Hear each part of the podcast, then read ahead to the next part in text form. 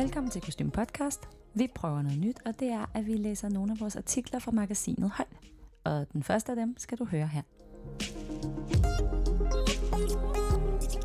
Fra venstreorienteret feminist til en af verdens mest indflydelsesrige kvinder. Den italienske designer Miuccia Prada har ikke alene sat sit aftryk på den globale garderobe. Hun har også redefineret luksusbegrebet og gjort op med en god smag.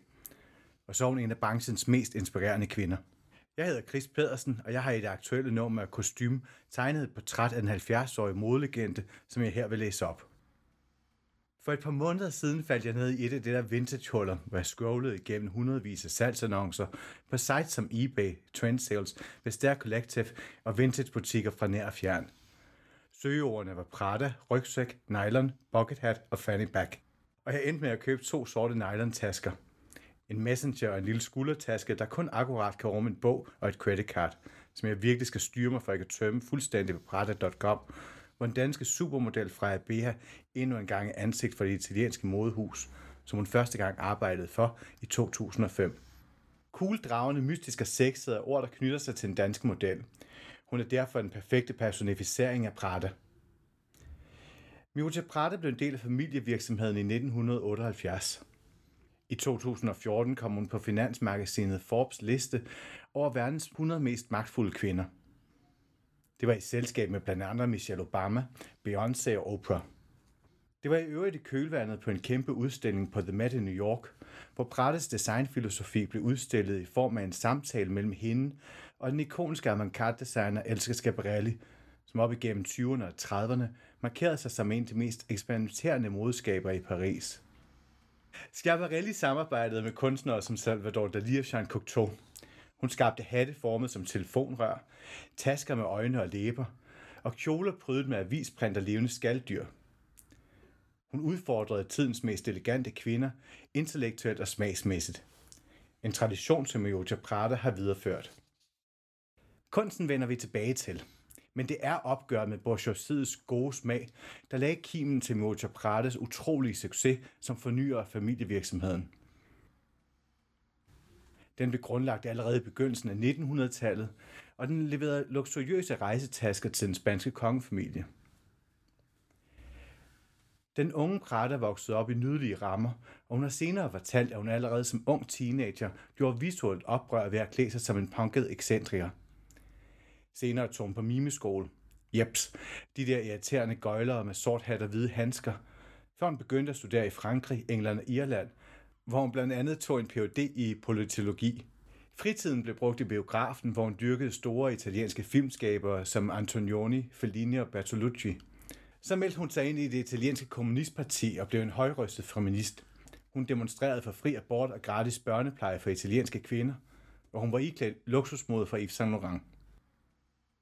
Kontrasten for den politiske virkelighed og hendes voksende interesse for mode og daværende job i familievirksomheden skurede derfor fra starten i hendes selvbillede. Jeg var så flov over det, da jeg var ung, fortalte hun i 2019 til Vanity Fair. Jeg var en venstreorienteret feminist, som arbejdede med mode. Jeg havde det frygteligt over det. Jeg følte mig virkelig skamfuld. I 1978 arvede hun ikke desto mindre virksomheden fra sin mor – hun var 28 år gammel og havde netop forelsket sig i Patricio Batali, som senere skulle blive hendes mand. Sammen besluttede de sig for at skabe et decideret modehus med tasker, sko og accessories, og senere i slutningen af 80'erne fulgte modetøj. Patricio stod for økonomien, Mote Prada for designet, og det skulle vise sig at være en effektiv og eksplosiv cocktail, der virkelig stod igennem i 90'ernes modebillede. Og det er her, den sorte nylon-taske kommer ind i billedet. Allerede i 1984 havde Miuccia Prada ønsket at ruske op i de gamle traditioner. Hun designede derfor en sort nylonrygsæk med et trekantet metallogo, som på alle måder gjorde op med de elegante dametasker, der ellers havde defineret luksustasken. Navnet var The Vela, og den fik modebranchen i den grad øjnene op for, da de så den backstage efter Prattes første modeshow i 1988. Kollektionen blev vist i en højloftet balsal under en kæmpe lysekrone, hvor modellerne var iklædt couture-silhuetter, knælagte 50'er kjoler og frækker krænget ned om skuldrene. Men i stedet for silke og taft var langt de fleste ting syet op i sort nylon, som Miuccia Prada havde taget fra militærtøj og performancewear. Til New York Times har hun forklaret, at det var et opgør med alt det, som blev betragtet som værende luksuriøst på det tidspunkt. Jeg ledte efter noget nyt, fordi jeg havde alle de tasker, som der var på det tidspunkt. De var så formelle, så damede og så klassiske. I samme periode gjorde Østrigeren Helmut Lang sig bemærket med avancerede hvide t-shirts med hul til albu eller brystvorter, bomberjakker og slidte jeans med sølvmaling. Det tyske modehus Gilsander specialiserede sig i helt enkle kashmirfrakker og herreinspirerede jakkesæt til modinteresserede kvinder. Det var tøj til alle dem, som ikke faldt for de mere feminine design fra modehus som Dolce Gabbana, Christian Dior og Chanel.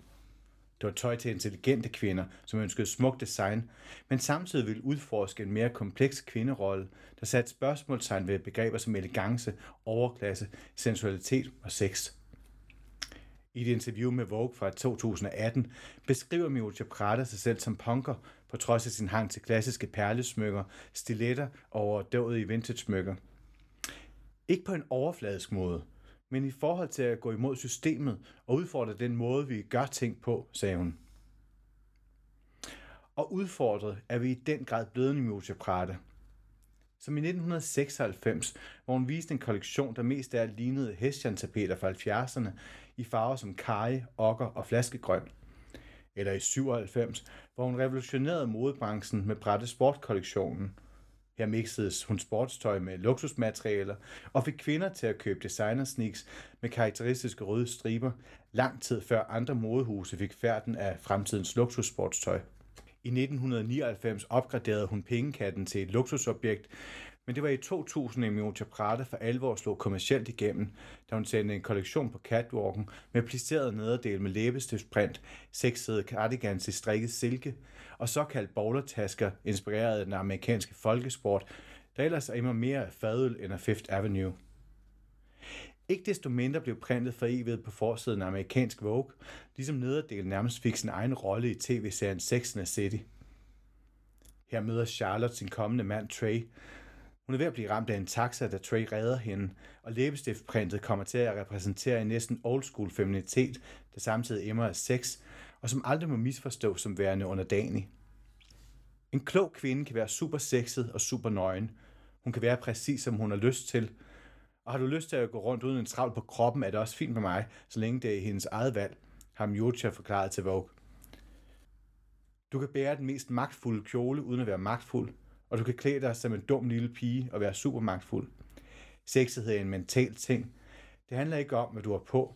Tøj er noget, du bruger, men det definerer ikke din person, mener hun. Mutas muse har det også med at skure lidt mere end hos andre modehuse. Indie-skuespilleren Mærke Gyllenhaal ses ofte i Prattes design, ligesom kollegaen Sarah Paulson, som især er kendt for sin rolle i gyserserien American Horror Story.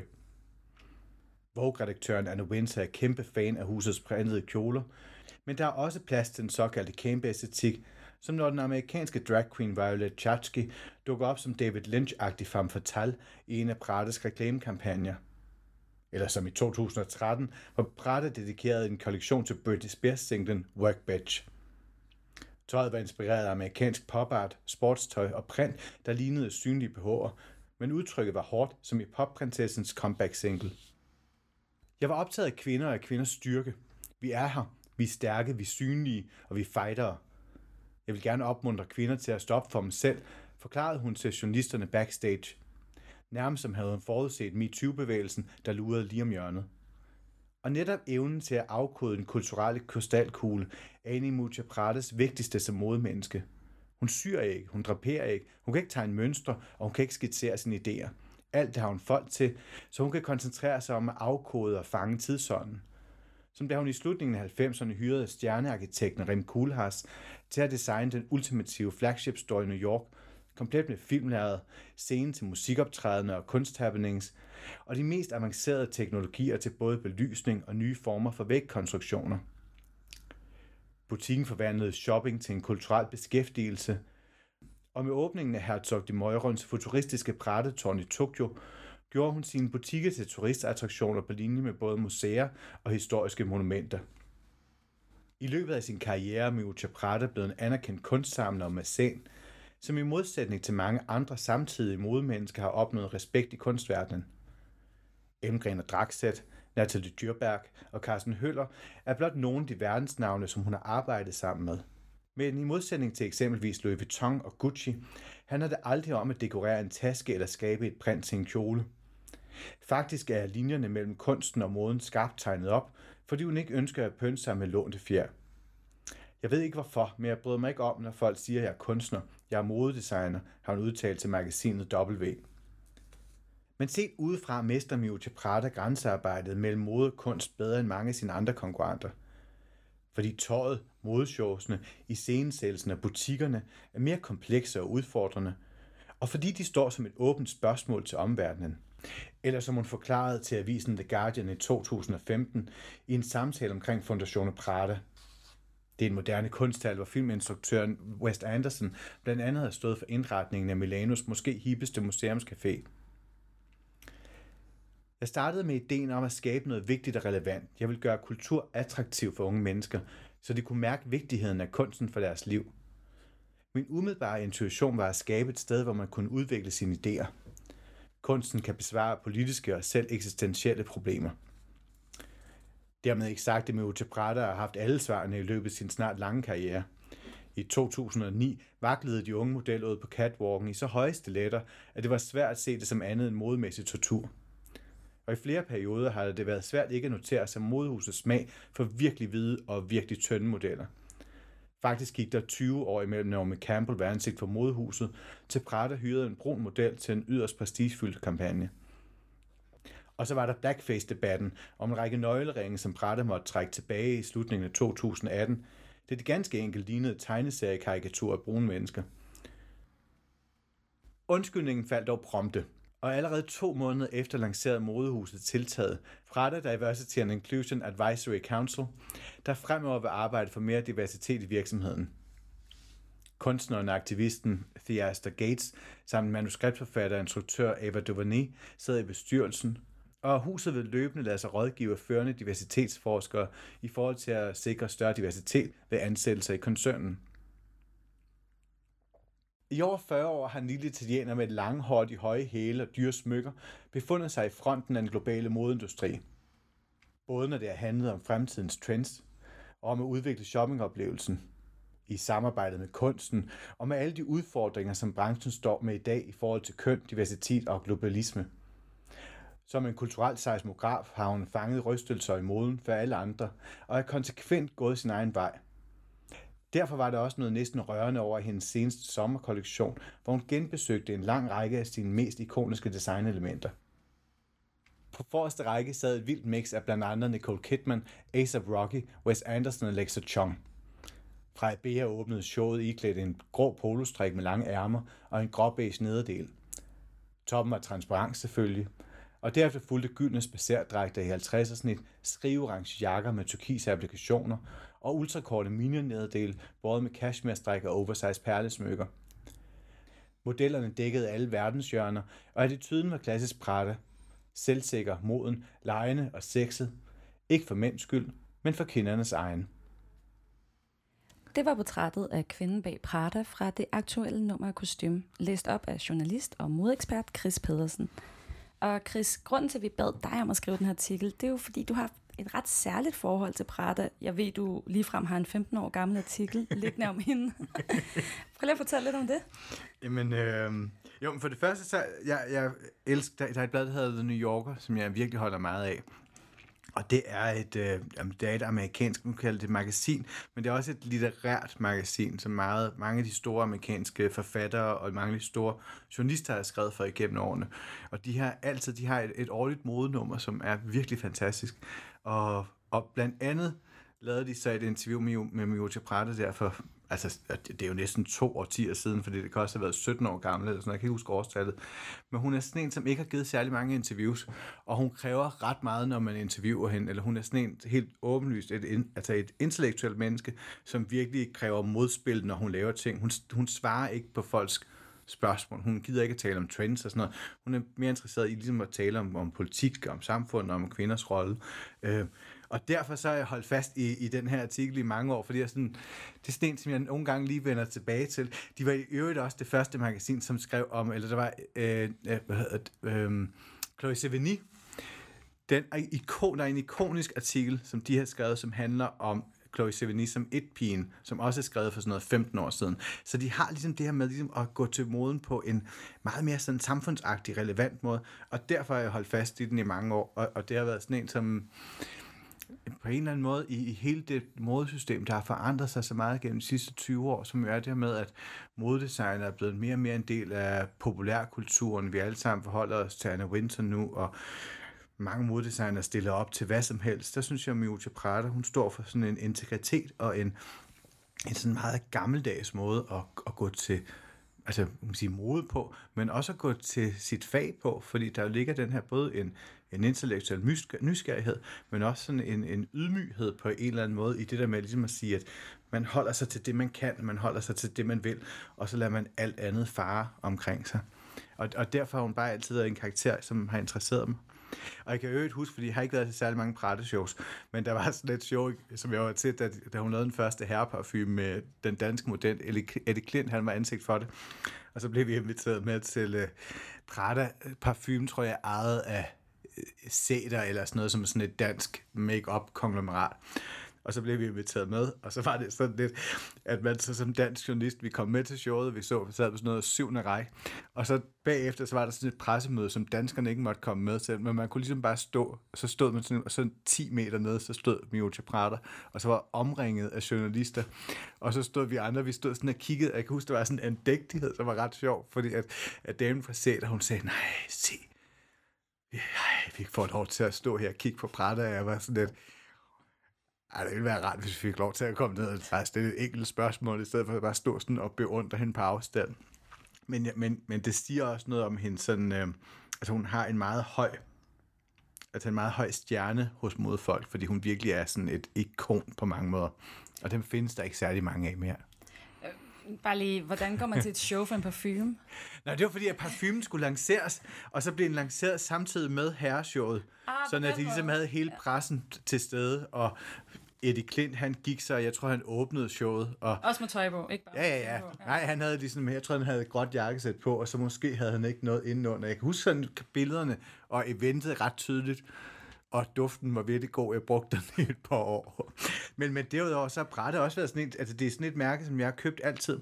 Jeg tror, jeg var jeg arbejdede nede i, det var ikke engang før, det var før jeg arbejdede, jeg arbejdede hos Mads Nørgaard i mange år, de solgte Prada, men så før jeg kom ned til Mads, det var mens jeg gik på universitetet, der var der, jo, fordi så arbejdede jeg nede i en butik, der hedder Roer, som er en genbrugsbutik nede i Pisseranden. Og så hver gang der var udsalg, så endte Mads Nørgaard altid med at sin ting, sætte sin ting virkelig meget ned. Og min første Prada-ting, det var en sort nylon-taske, som ikke har været større end næsten måske sådan et, et, et kostume. Hvis man tager et kostume, og så lægger det oven på hinanden, 20 oven på hinanden, så tror jeg, man har cirka størrelsen på tasken, men så var sort nylon, og så kostede den sådan noget 6.000 kroner, og der var ikke nogen, der købte den, og så endte jeg med at altså, var nede og besøge den mange gange, og blev drillet af Katty, som var butikschef, men jeg havde ikke nogen penge, og så endte jeg med at få den for 1.500 kroner. Hold da Ja, og så købte jeg også, og så går jeg ned i Gubi Network, som var en anden butik, som ikke eksisterer mere, men der købte jeg sådan en grå tweed vest, som ikke havde nogen ryg fra Prada Sport. Mm-hmm. Og så et par virkelig, virkelig kluntede Prada Sport kondisko, som vejede, altså som stor, store leder, nogen som vejede, altså de har sikkert vejet et kilo hver. Men, men jeg har altid holdt meget af Prada. Så første og seneste køb har været en sort nylon-taske, fordi... Ja, ja, ja. Og jeg faktisk lige går, der sad jeg lige igen og kiggede, for nu vil jeg gerne have en, en sort nylon-taske mere, som kan passe til min computer. Ja. Men jeg, ja, jeg er meget begejstret for det. Men det er fordi, der er sådan et eller andet... Det, altså, jeg savner meget Helmut Lang, som jeg også nævner i artiklen, men som også er en af de der sådan 90'er-ikoner. Men, men jeg kan virkelig godt lide den der det der sorte nylon og sort tøj kan jeg bare godt lide i det hele taget. Nu nævnte du lige artiklen. Hvordan var det at skrive den? Jamen, det, var, det var sjovt, fordi jeg synes, det, det der er sket med hende som karakter, det er jo det der med, at hun jo har, altså der er både den her Altså hun er ligesom lidt over det hele i alle de ting, som jeg godt kan lide. Alle de kunstnere, hun godt kan lide. Det er sådan kunstnere, som jeg forholder mig til. Natalie Dyrbær er jeg ekstremt glad for. Hun er sådan en, hun laver sådan nogle videoværker, som er helt vidunderlige. Carsten Høller har jeg altid været vildt begejstret for. Elmgren og Draxet, nu er jeg homoseksuel, og de er jo sådan to queer-kunstnere, som har været bosat i Berlin, og de har lavet nogle vidunderlige værker, og blandt andet har de jo lavet den her Prattebutikken, som ligger i som øh, ligger ude i ørkenen i USA, men som er, jeg tror det hedder Marfa, der hvor den ligger. men som ligesom er en, en, altså en, en lille butik, hvor der står Prada-sko og tasker øh, midt ude i en ørken. Og, og så hun har jo arbejdet med mange af de her folk, som, som jeg altid har været begejstret for. Og så synes jeg, hun har en skæg dobbelthed i, i det der med kvindebilledet på en eller anden måde, at man kan både fornemme den der sådan feminismen, man kan fornemme altså sådan, det er altså sådan, hvad hedder det, altså det kommunistiske, der også ligger i hende på en eller anden måde. Og så er hun samtidig også sådan en, hvor man nogle gange ser hendes ting, så virker hendes tøj nærmest sådan misogynt. Fordi lige den der kollektion med, med de vaklende kvinder, det var sådan meget, meget høje sko med sådan noget med bast rundt om bunden. Og så var det, så sandaler, plateausandaler, og så havde kvinderne, eller modellerne, de havde sådan en lille silkesok ned i skoen også. Så ikke nok med, at du havde en meget høj sko, du havde også sådan en helt slippery sok. Og det var derfor, at de her unge kvinder jo slet ikke kunne finde ud af at gå i det. Og det skabte jo sådan det der med, hvor man sådan sad og tænkte, det er jo ikke rart at kigge på, og det er jo ikke rart for en kvinde at gå rundt sådan. Og så samtidig følte hun så cool, som man, hun, jeg synes, hun, hun, hun er hele tiden balancerende på sådan et mærkeligt sted. Også det med så hele tiden det der sådan lejen med god og dårlig smag at nogle gange så er det så grimt, at næsten ikke holde det ud, og så samtidig så er det skønt. Og det kan jeg godt lide, den der dobbelthed, der ligger i hendes ting. I forhold til dobbelthed, så de sidste par år er Prada jo også meget blevet synonym med sådan en logomania ja, ja. ting, ikke? Og ja. det passer slet ikke til hende, tænker jeg, når du står og læser artiklen op. Nej, men det er også fordi, nu skal man også huske, at, Prada, altså, at alle virksomheder har jo også op- og nedgangsperioder. Jeg tror ikke, Prada har det, den, altså, det er ikke, uh, de har ikke the best time i øjeblikket. Fordi der har været mange af de andre modehus, som har været dygtige til ligesom at have et tasker og et sko. Og der tror jeg, at de sidste par år, der har det virkelig lidt som om, at Prada har lidt sådan ikke rigtig at kunne finde deres ben. Det var også som om, de begyndte at åbne mange butikker, og de havde altså nogle problemer i forhold til, at der pludselig var, altså butikkerne lå overalt, men de også ligesom sat penge af, eller, eller ligesom fyret en masse penge af på lidt for mange forretninger. Så de har jo været i økonomiske problemer de sidste par år, og, og, og økonomiske problemer gør jo tit som modvirksomhed, at man pludselig kan se, at der, altså, der er en vaklen i, i kollektionerne igen. Men man kan sige, at det, der var meget sjovt, det er, at, at med Logomania, at, at på den ene side er det sådan lidt smagløst og lidt til grin, men så samtidig synes jeg også, at de har en periode lige nu, hvor man kan se, at de virkelig sådan tager diversiteten alvorligt, og hvor de også har fået sådan en ny flok af ret cool mennesker på. Den seneste herretøjskampagne, det er en rapper, som hedder Frank Ocean. Nå, har de... yes, Frank Ocean er model. Okay. Jeg skulle lige lede efter navnet, for han er ikke sådan en, jeg lytter til. No. Men han er model for dem nu. Og han er, hvad hedder det, og, og, og han har jo gået, har stået på en rød løber masser af gange, bare i sådan en sort nylon, en uh, anorak og et par sort nylon bukser, det der lille logo, som bare ser cool ud alligevel. Deres logo ser jo cool ud. Ja, så der er jo sådan en, så der er jo sådan en, en dobbelthed i tingene hele tiden. Ja. Og så synes jeg bare, at de har et, de har et, et spændende univers, så trods økonomiske problemer, så holder de jo fast i det med at arbejde med. De er jo de første til at lave sådan en rigtig, altså film, altså ikke reklamefilm, men sådan mere sådan små, uni, altså sådan små underlige filmiske universer, som stadigvæk fungerer virkelig godt. Øhm, men, men de har ikke haft, det har ikke været de letteste år for dem de sidste par år. Selvom at man egentlig har tænkt, at alt, hvad hun gjorde, blev til trends, Ja, og, og, og, og jo, men så det skulle vi alle sammen have kæmpe hårbøjler på. Og... Men, men det er jo også det, men nu, nu, altså for et luksushus, det, det er jo i virkeligheden ikke altid vildt godt at være dem, der går forrest. Og det er jo heller ikke altid vildt godt at være dem, der kan finde ud af at lave altså at skabe en virkelig ikonisk farve, eller netop hårbøjle og sådan noget. Fordi du har et modesystem lige nu, hvor Sarah H&M, Mango, de kan gå ind og, og kopiere tingene næsten instantly, og så sende det ud i butikkerne til en brøkdel af prisen. Og det er jo også der, hvor sådan et modehus kæmper, ikke?